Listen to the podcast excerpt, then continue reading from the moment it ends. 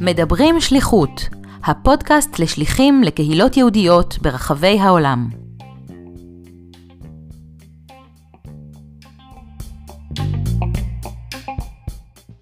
שלום למאזינים, כאן דוקטור אסי אהרונוב.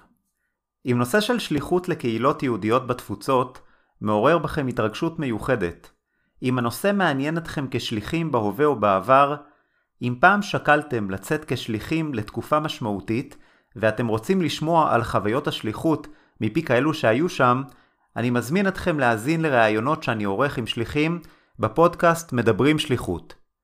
בכל פרק נראיין שליח או שליחה שישתפו אותנו בחוויות השליחות שלהם. נאזין למה שיש להם לספר בנושאים כגון מה גרם להם לצאת לשליחות, מה היה תהליך ההתאקלמות שלהם בקהילה, מה היו הקשיים או ההצלחות בשלבי הקליטה בקהילה, מה היו נקודות השיא בשליחות כמו גם האתגרים המרכזיים איתם התמודדו, כיצד חוו את החזרה לארץ, מהי לדעתם שליחות מוצלחת ועוד. במיוחד נרצה לשמוע מהם הטיפים שהם יכולים לחלוק עם שליחים אחרים או כאלו ששוקלים לצאת לשליחות. כמי שהיה מעורב בתחום השליחות מזוויות שונות, אני מקווה שגם אתם, כמוני, תמצאו עניין רב במה שיש לשליחים לספר. הפעם אנו מדברים עם נחום בינדר.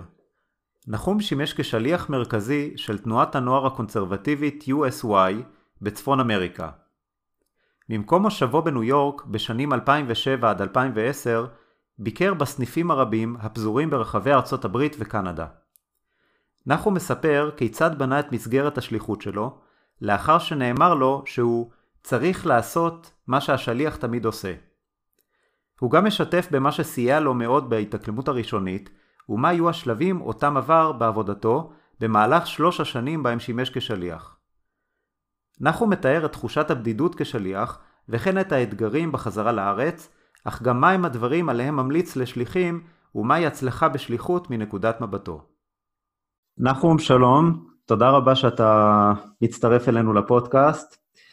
ואני שמח אה, לראיין אותך על, ה, על החוויה שלך, של השליחות שלך ושל המשפחה שלך. אתם יצאתם מטעם תנועת אה, הנוער הקונסרבטיבית אה, USY לארצות הברית, בין 2007 ל-2010, תקופה של שלוש שנים, ואני אשמח אם תוכל לספר קודם כל מה גרם לכם לצאת לשליחות.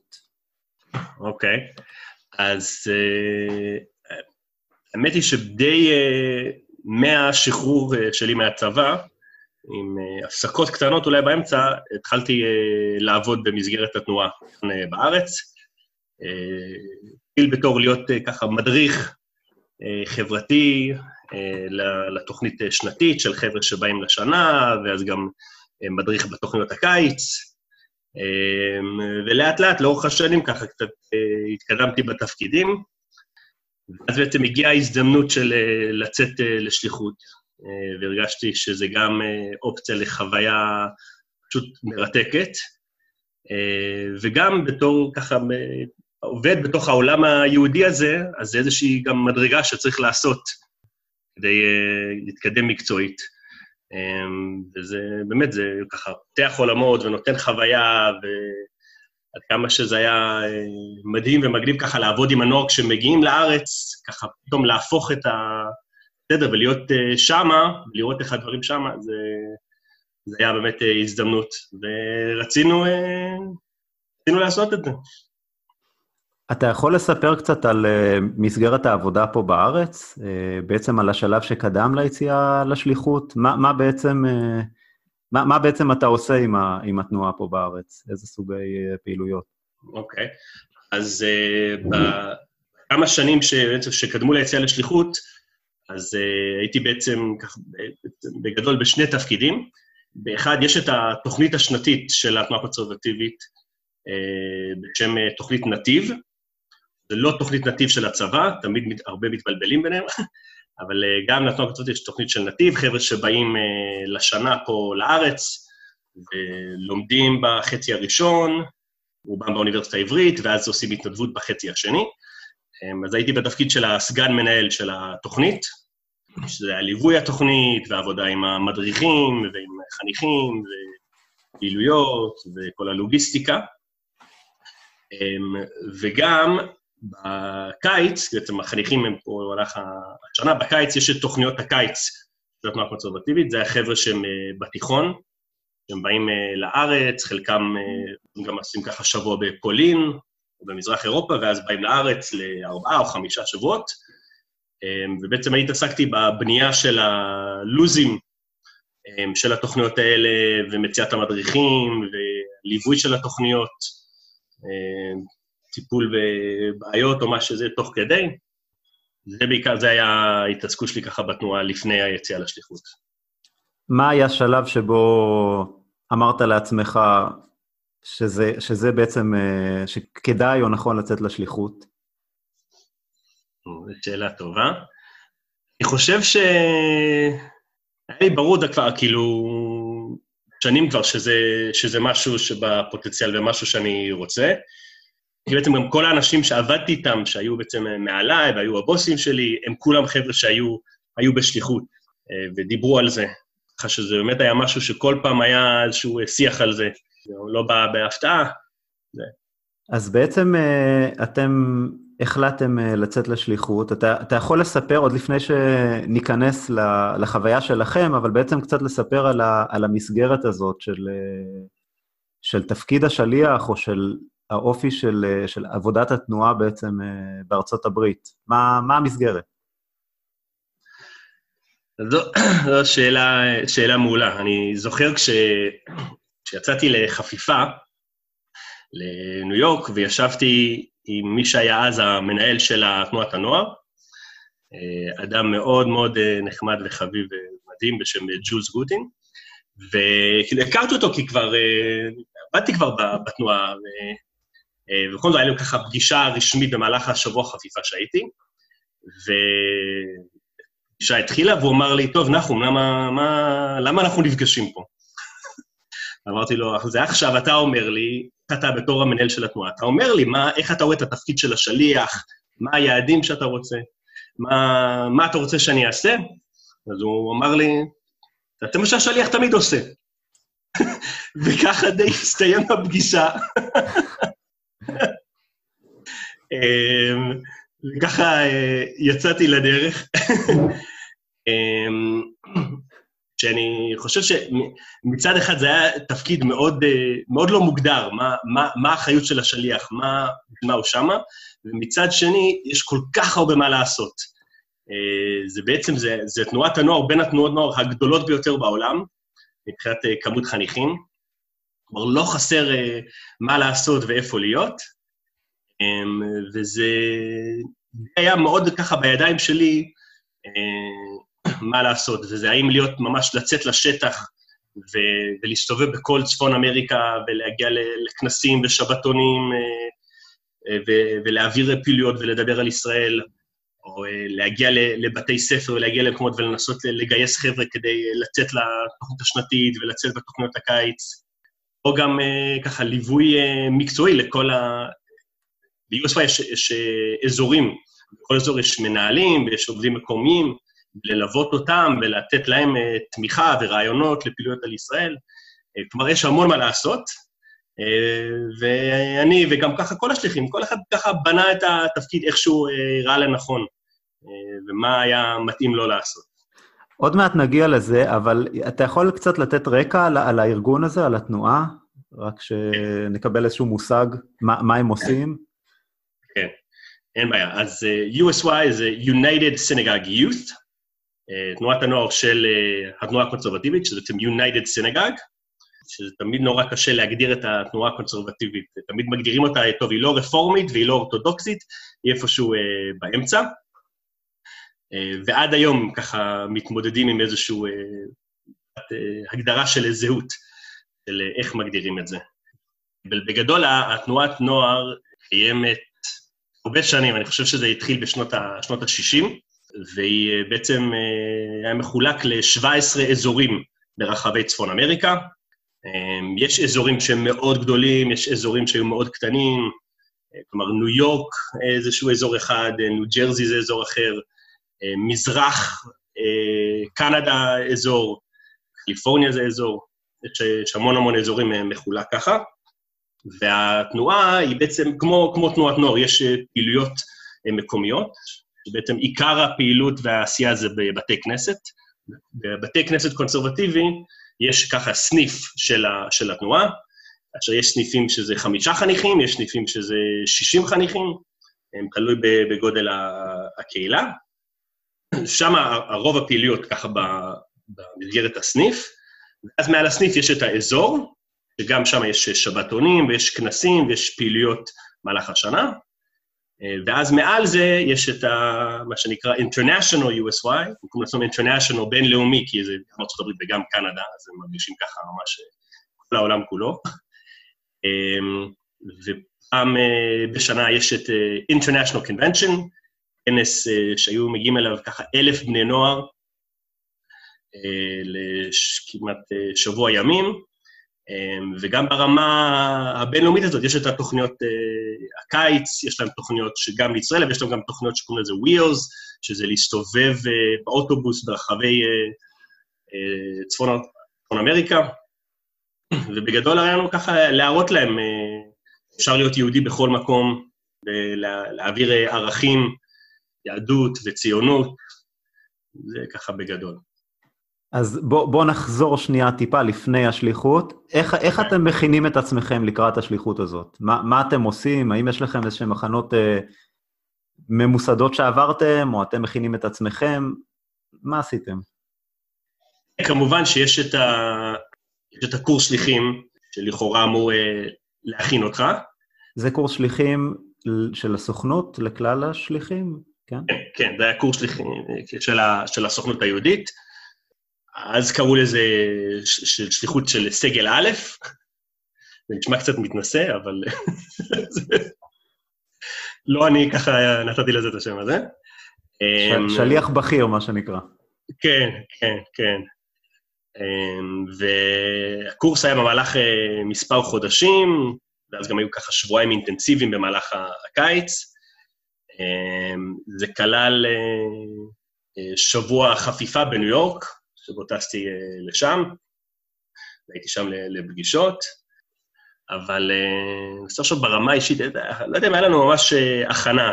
אשתי, היא, מארצות הברית, היא גדלה שמה.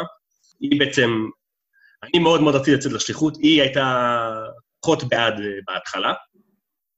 היא אמרה בעצם, אני עליתי לארץ כדי לגור בארץ, אתה עכשיו לוקח חזרה.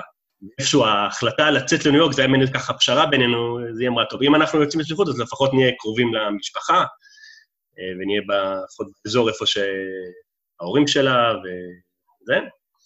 למרות שיעד השליחות בהגדרה של השליחות הזאת הוא, הוא בניו יורק, נכון? שם זה המוקד. כן. כן.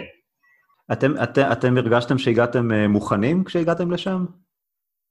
אמ, זו שאלה טובה. אני חושב ש... הזכרתי שיצאנו עם... אה, הבן שלנו הראשון נולד אה, חודשיים לפני שיצאנו לשליחות. זה די אה, חוויה שדי עוטפת אותך. ואני חושב שפחות היה לנו זמן להתחיל לחשוב על השליחות ולהתכונן, כי יודע, ילד ראשון זה גם אירוע מאוד מאוד חשוב. ככה, להתחיל להתכונן גם לזה וגם לזה, זה, זה קיבל אולי ככה מקום משני. איך באמת אה, מתכוננים לשליחות עם, אה, עם תינוק שרק עכשיו נולד? זה נשמע מאתגר מאוד.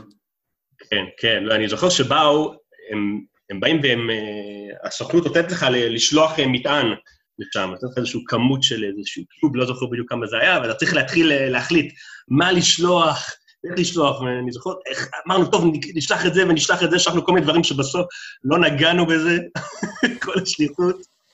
אמ, סתם לקחנו את זה איתנו כי אה, היה שם מקום במטען. אבל אה, כן, מהבחינה הזאת לא, לא, לא חשבנו, אוקיי, מה אנחנו באמת צריכים, מה אנחנו לא צריכים. אה, באמת שגם זה שהיה לנו משפחה שם, ההורים של אשתי היו שם, זה היה, זה עזר המון המון. כאילו, הרבה שליחים מגיעים לשליחות, ו... והם צריכים להתחיל, הם גרים במלון בהתחלה, והם צריכים להתאפס ולמצוא איפה לגור וילדים וכל זה.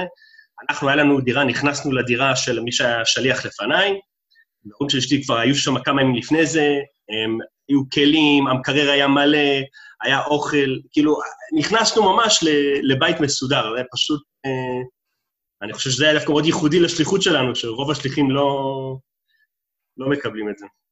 זה בעצם אה, סיוע וקרבה של משפחה. נכון. כן. אה, אז בעצם, כמו שתיארת קודם את, את העבודה של, ה, של התנועה שמה ושל המסגרת בצפון אמריקה, זה נשמע שאתם, אמנם הגעתם לניו יורק, אבל בעצם היית צריך איכשהו, א', להבין איך אתה מתחיל בכלל להגדיר את מסגרת השליחות שלך, וב', איך אה, זה נשמע שאתה היית צריך להתפרס על פני שטח אה, גיאוגרפי עצום. נכון. נכון, באמת, לא היה כמעט חודש שלא היה, כלל איזושהי נסיעה אה, לאנשהו. אה, אני זוכר, הכנס הראשון שאליו נגעתי, זה היה ממש אה, באוקטובר. אה, התחלנו בספטמבר, זה היה באוקטובר, זה היה כנס בסיאטל, שבו מי שהמנהל האזורי, הוא אמר לי, אנחנו עושים את הכנס על ישראל, קח את הכנס, תתכנן את כל התוכניות החינוכיות ואת ההפעלות, מה שאתה רוצה, זה מה שילך. ומצד אחד היה, וואו, נהדר, מצד שני, אבל זה בכלל עובד. אמ, וככה להתחיל להתאפס ולעשות, להכין פעילויות לכנס, שכשממש לא כל כך הכרתי איך זה עובד, וגם כל אזור הוא קצת שונה. אמ, אבל כן, אז כבר על ההתחלה היה נסיעה לסיאטל, וממש, וזה המשיך אה, באמת כל השליחות, לנסוע לשבתונים, המון המון היינו, ב... הייתי בנסיעות. יחד עם המשפחה, אני מניח. אז היו פעמים שהמשפחה באו, זה היה, זה היה תלוי. הרבה פעמים, אם זה כלל טיסה, אז הם לאו דווקא באו, אמ, אבל אה, אם זה היה ככה בנסיעה, בניו ג'רזי, בבולטימור, בבוסטון, אה, אז כמובן, אה, ככה נכנסנו לאוטו ונסענו יחד. אז איך, איך אתה בעצם מתחיל להגדיר את, ה, את המסגרת של, ה, של, השל, של השליחות שלך? מה, מה לעשות, עם מה להתמודד, עם איזה אתגרים? היו דברים שאתה בעצם ירשת גם מהשליחים הקודמים? Uh, כן, כן, יש אה, בהחלט דברים ש, שירשתי, היה תקיעה שלמה למחשב עם כל מיני תוכניות והפעלות ורעיונות. אה, ודברים ש, שאפשר לעשות. וגם חלק מהפעולה זה היה פשוט, זה, לפחות בהתחלה זה היה עניין של כאילו להגיב. כלומר, הכנס בסיאטל, הם באו, הם הזמינו אותי, ביקשו שאני אבוא, אז באתי. כנס אחר אומרים, בוא תבוא לכאן, אז הלכתי, וזה היה... בהתחלה הכתיבו לי מה, או מה זה הכתיבו? הם מזמינים אותך לבוא. ואני אה, נעניתי אה, ברצון, ואז תוך כדי, אוקיי, אז אני צריך להגיע לכנס בניו ג'רזי, ואני צריך לעשות איזושהי פרזנטציה לחבר'ה שבי"ב על לבוא שנה בארץ, אז אוקיי, אז זה מה שאני צריך אה, להכין ולעשות. ואני חושב, ממש לקח שנה עד שהבנתי, אוקיי, טוב, אני עושה מה שאני עושה, אבל בואו אני רוצה גם לחשוב, אוקיי, איפה, לאן אני רוצה להגיע, מה אני רוצה לעשות, איך לקדם את התפקיד הזה. זה באמת, אני חושב, לקח לפחות שנה. איך בעצם היה נראה היום-יום שלך בעבודה? ביום-יום זה התחיל עם אה, שעה נסיעה בסאבווי, להגיע למשרד. השליח שהיה לפניי, הוא אמר לי, מה שהוא היה עושה, הוא היה בבוקר מוריד את כל המיילים אה, על הלפטופ, בסאבווי הוא יושב, עונה על כל המיילים, ומגיע למשרד והוא כבר אה, סיים חצי יום עבודה. אבל מגיע למשרד, היה הרבה מיילים, אה, פגישות עם, אה, עם אנשים מסוימים, גם, גם אה, פגישות בסוכנות. עכשיו הייתי שליח מרכזי, אז היה גם פגישות של כל השליחים המרכזיים של התנועות נוער האחרות, שזה היה דבר שקרה באופן אה, חצי עקבי, והרבה פעמים זה היה ככה לצאת לשטח, אה, לנסוע לבית כנסת הזה, או אה, לטוס לאן שצריך. איך השרשרת ש... של עבודה בין השליחים אה, נשמרת, או שלא נשמרת? זאת אומרת, אה, איך מה שהקודמיך לתפקיד עשו אה, בעצם נשמר על ידי מה שאתה עשית, ואיך מה שאתה עשית נשמר על ידי הבאים אחריך, אם אתה יודע. איך, איך זה קורה בתנועה? אז אני חושב שהרבה דברים בתנועה, זה, זה מצחיק, קוראים לזה The Conservative Movement, אני חושב שזה מאוד, זה מאוד מסורתי. גם מבחינת העבודה. כלומר, כמו שאז המנהל אמר, תעשה מה שהשליח תמיד עושה. אמ, ולכן באמת היו דברים ש, שתמיד קרו. לדוגמה, בכנס השנתי יש את Booth, יש את הדוכן ישראל. למה יש את הדוכן? כי זה מה שתמיד היה. מה הדוכן עושה? לא יודע, יש שם חולצות, יש שם דברים על ישראל, וזה... זה תמיד אה, יש, וזה תמיד אה, נשמר, ואתה מוצא שלוש אה, מדריכים צעירים. כלומר, יש דברים שזה ממש כל שנה ושנה, זה בעצם אותו דבר. ומצד אחד, סבבה, אתה יודע, אם זה עובד וזה אחלה, אז אין סיבה לא, לא להמשיך את זה. ולכן אני חושב שבהחלט היו הרבה דברים שהשליח לפניי עשה, וגם השליחה שאחריי עשתה, כי זה היו דברים שהיו מצופים מה, מהשליח, וגם דברים שהיו עבדו והצליחו. אני, אני חושב שבחפיפה עם השליחים, אז אתה יודע, עוברים על הדברים ו, ומסבירים להם מה הדברים שמצפים להם, ואני גם חושב שגם עניין השליחות, אני חושב שכשאתה באת, זה, זה בא למקום זר, אתה לא... זה לא משהו ככה שאתה יחסית מכיר. ולכן, אני חושב, בטח מוצאים את זה הרבה, אני חושב, בשליחות שלי, באמת, השנה הראשונה זה רק ככה ללמוד את התפקיד. והשנה הראשונה זה, אוקיי, אני אעשה, אם כן, הוא היה ממש גרוע, משהו כזה, שבעיקר שזה ממש לא היה ככה, זה מה שהשליח עשה בשנה הראשונה. שנה השנייה אתה ככה איכשהו מתחיל, אתה קצת יותר מבין, אה, ושנה שלישית זה כבר, אה, אני הרגשתי שזה לנו, השליחות זה היה לשנתיים עם אופציה לשנה שלישית, ואני מאוד רציתי את השנה השלישית, כי אז אתה באמת מרגיש שאתה יכול לעשות אה, באמת דברים אחרים, ולעשות דברים חדשים, ולפתח את התפקיד. איך אתה הרגשת? מצד אחד, אתה אומר שהתנועה היא מסורתית, ובטח יש את המסורות גם, את הציפיות שלהם מהשליחים שעושים בתקופות השליחות השונות, אבל אה, מצד שני, אני מניח אה, שהיו לך יוזמות ודברים חדשניים שרצית להכניס. איך, איך הדברים האלה התקבלו? זה בהחלט היו, היו פעמים שזה היה קצת אה, מאבק, קצת אה, לראות טוב מי אה, יודע, טוב ככה לדפוק על השולחן ולהתעקש. בהחלט היו, אה, היו זמנים כאלו, והיו אה, שהיו פעמים שלא... אה, אמרו לי, יפה מאוד, נחמד, שב, תעשה מה שאתה צריך לעשות ואל ת... תתחיל לשנות פה אה, סדרי עולם. אה, בהחלט היו את הזמנים האלו. אה, אני חושב שזה גם, ככה, תוך כדי, אה, כל שהזמן עובר ואתה מרגיש יותר בנוח ואתה פחות אה, שואל אנשים ומבקש את האישור ויותר פשוט יוזם ועושה, זה נראה לי דבר מאוד ישראלי גם. אתה פשוט אה, עושה, ואז אוקיי, אז זה כבר אה, נעשה וקורה, ופחות אתה, אתה מחפש את האישור של האחרים. הצלחת לקדם יוזמות ש... שנשארו לאחר מכן? אני חושב שכן ו... כן ולא. היו דברים ש... שניסיתי, אה, אני חושב ש... שכן הצליחו, ודברים ש... שפחות אה, עבדו. היה רעיון שרצינו אה, להרחיב את מספר השליחים בתנועה, וזה דבר שלצערי לא, ממש לא, לא הצלחתי. ההפך קרה, דווקא ירד כמות השליחים אה, בתנועה. לא חושב שזה היה אשמתי, זה היה עניין של תקציבים ו- ויכולות וכל זה, אבל זה בהחלט דבר ש... שלא צלח.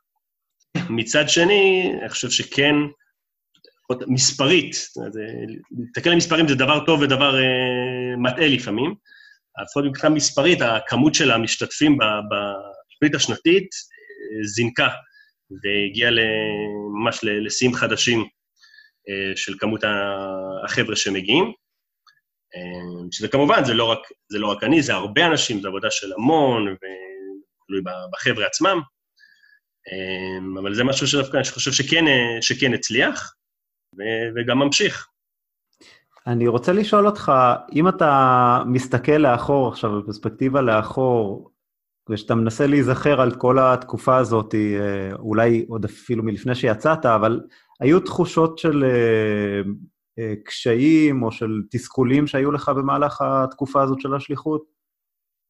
כן, אני חושב שהיו, שהיו זמנים ש...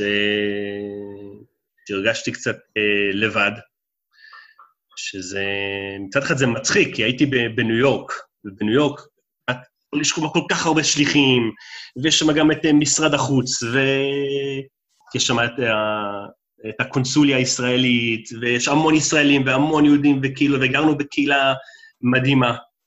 היו פעמים שכן, שהרגשתי ככה, ככה כן, קצת, קצת לבד במערכה, ולאו דווקא עם מספיק הכוונה גם מבחינת התנועה ומי שככה פיקח עליי, וגם מאוד מבחינת הסוכנות, שהם לכאורה, הסוכנות, ההסתדרות הציונית, הם היו הגורם אה, ששלח אותי. אה, והאמת היא ש... זה לא הכי נחמד, להגיד, אבל לא היה להם מושג מה, מה אני עושה. היו שיחות, וככה צ'ק אין, מה איך הולך, הכל בסדר, יופי, יופי. הדוגמה הקלאסית לזה היה בסיום השליחות, כל שנה בניו יורק, במשרדים של הסוכנות, יש ככה פרידה מהשליחים. מכל שליח עולה מי שהיה המנהל שלו, הבוס שלו וכל זה, ומדבר עליו איזה כמה מילים. ככה שולח אותו, אותה לדרך. הייתי שליח מרכזי, אז מי שעלתה להגיד כמה מילים עליי הייתה מי שהייתה ראש משלחת הישראלית. היא אה, עלתה והיא אומרת, אה, אנחנו נפרדים היום מנחום, ונחום היה שליח של USY, והאמת היא, אני לא יודעת מה נחום עשה. אני רק יודעת שהוא היה בנסיעות כל הזמן, אז אני מניחה שהוא עשה עבודה נהדרת. מזל טוב. וזהו. ואני צחקתי ממש, ואחרים באו אליי ואמרו לי, בואנה, מה זה היה בושה וחרפה, מה זה היה הדבר הזה? אמרתי, אבל זה, זה המציאות. זה, זה מה שהיה, ומצד אחד סבבה, כאילו, נהניתי שלא היה מישהו לפקח עליי ויכולתי לעשות מה שאני רוצה. מצד שני, כן רוצה להרגיש ככה יחד אה, במערכה. מה, מה המדד שלך להצלחה של שליח? או, זו שאלה טובה. אני חושב שמאוד אה, אהבו להיטפל למספרים. היה ככה, כל, כל איזה חודש היה כזה דוח של uh, מספרים, כמה נרשמים יש, וכמה היו שנה שעברה, ואיפה אנחנו השנה לעומת שנה שעברה. כל הזמן היה את הדוחות האלו. מצד אחד זה כן איזשהו משקף, מצד שני זה בכלל לא משקף. Uh, כלומר, במהלך השליחות שלי היה את המבצע של uh, צבאי, היה תקופה מאוד לא פשוטה, והמספרים uh, של ככה, של חבר'ה שמשתתפים בתוכנית ישראל ממש צנח. אה, וזה לא היה בגלל העשייה שלנו, אלא פשוט בגלל המצב הביטחוני, ואנשים אה, לא רצו אה, ללכת. אז מספרים זה איזושהי דרך אחת. אני, היה לי מטרה ומאוד רציתי לנסות, USY זה מחולק ל-17 אזורים, אני רציתי להגיע לשבתון, לכנס של לפחות כל אחד מהכנסים במהלך השליחות. זה היה שהוא ככה איזשהו מדד. אני לא, לא הצלחתי, הגעתי ל-14, היו שלושה שלא, פשוט לא, לא הספקתי. אה, הרבה פעמים גם הכנסים של האזורים השונים, זה באותם אה, סופי שבוע או באותם זמנים, זה לא כאילו אפשר פשוט ללכת משבוע לשבוע. אז אה, זה שהוא היה ככה מדד שלא לא הצלחתי, לא הצלחתי להגיע לכולם, אבל אני חושב שכן איזשהו מראה לכן, כאילו, כמה נסיעות ולכמה מקומות כן הצלחתי להגיע. זה איזשהו גם מדד. אז השליחה המרכזית, אה, גם בעיניך, אה, יש משהו בדברים שלה לגבי מספרי הנסיעות ליעדים השונים. אה, כן, כן.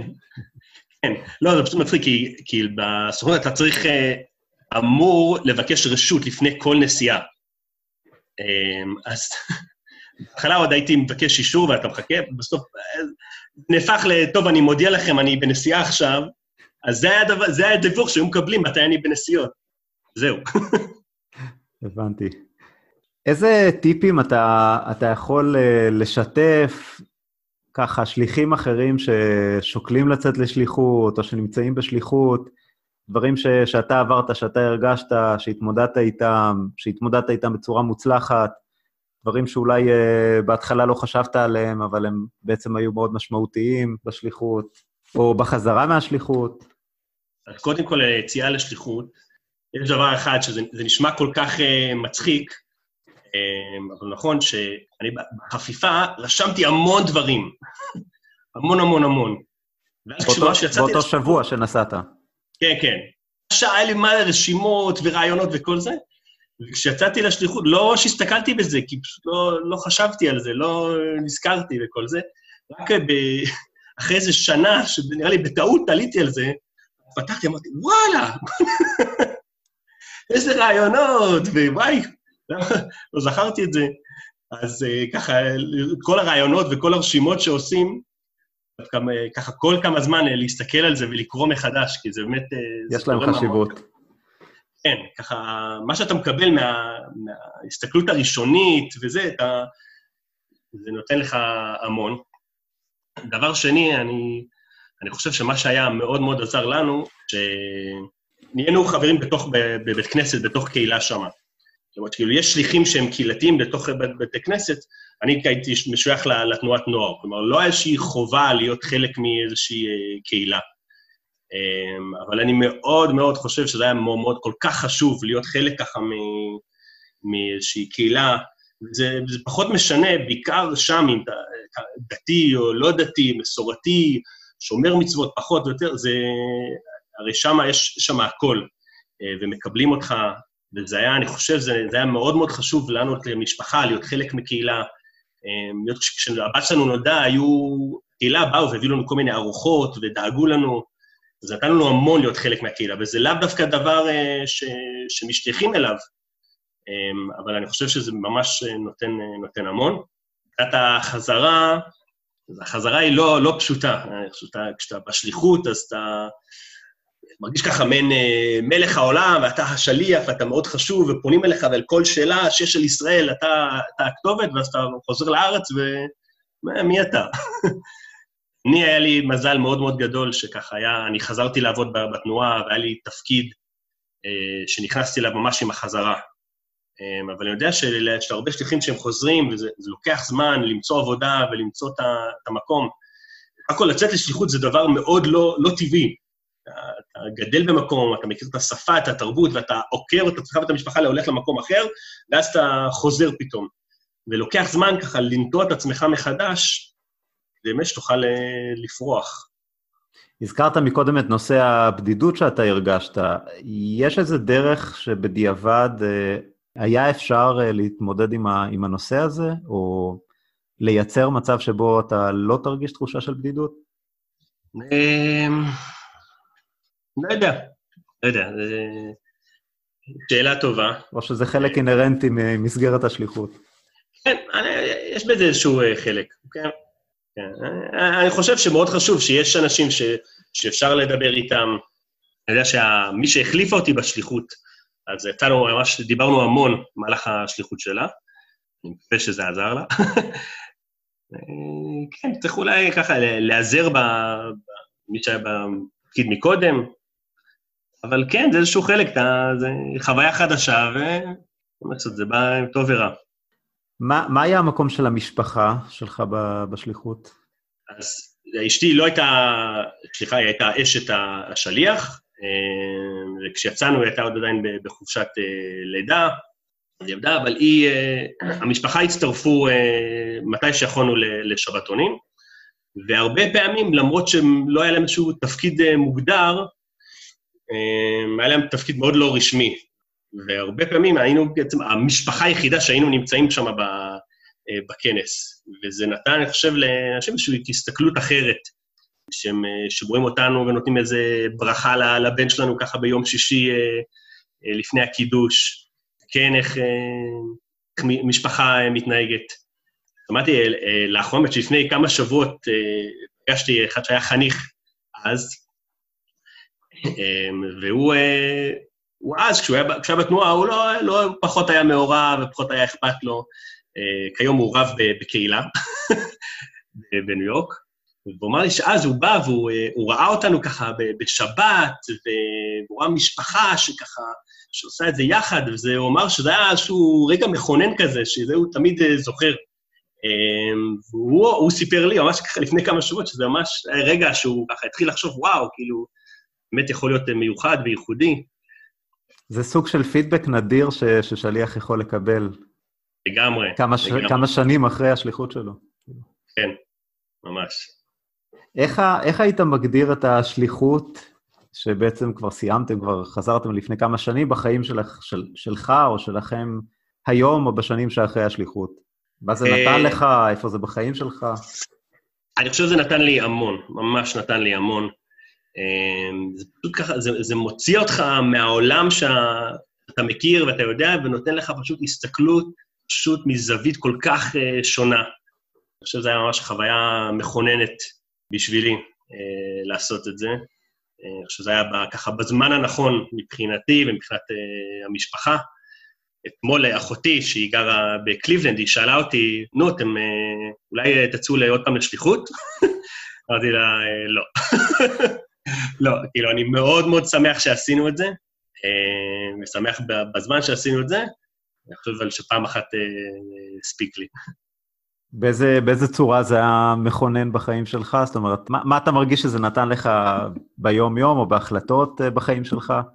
אני חושב שזה, התבגרתי ככה, נתן לי ככה באמת כיוונים אחרים לחשוב עליהם וזוויות אחרות, ואתה אתה פה בארץ וחושב על יהדות התפוצות וכל זה, אז אתה חושב כל מיני דברים, אבל ממש להיות שם ולהיות חלק, שהוא נתן לי רק אה, עולם אה, ומלואו של, של חוויות.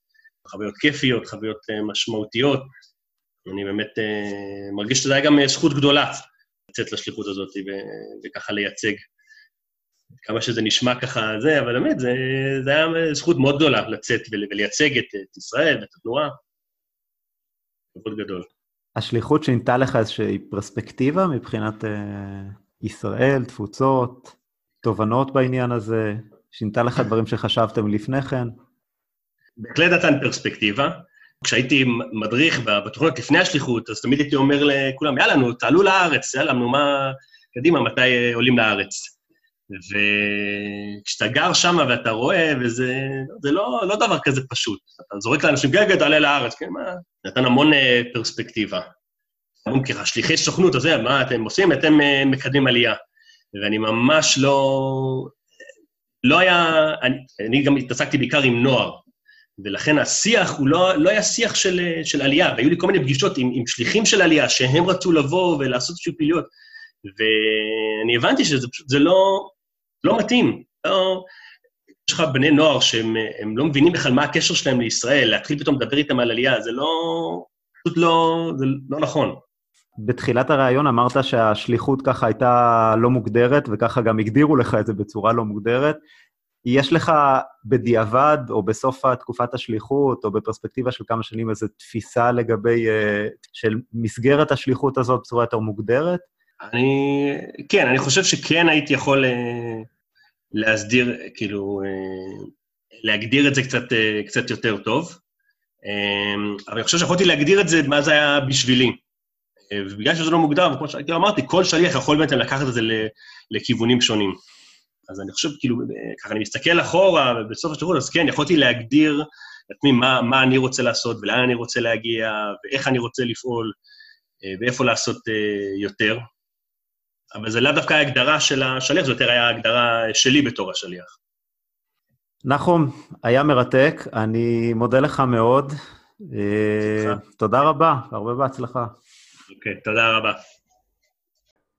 תודה שהקשבתם לפרק נוסף של מדברים שליחות. אני מקווה שנהניתם מהראיון עם נחום בינדר. האם האזנתם לפרק הקודם בו קיימנו ראיון עם ענת אדלר-טל? בראיון ענת שיתפה מתובנותיה בעקבות שליחותה לקהילת מנצ'סטר אנגליה. בכל פרק אנחנו מצטרפים למסע השליחות של שליח או שליחה לקהילה יהודית בעולם. אם גם אתם הייתם שליחים בעבר או אם אתם שליחים בהווה, או אם אתם מכירים שליחים אחרים שישמחו לשתף בסיפורים ובטיפים, אני מזמין אתכם ליצור איתנו קשר באמצעות המייל מדברים שליחות כרוכית gmail.com או באמצעות צור קשר באתר הפודקאסט מדברים שליחות.com.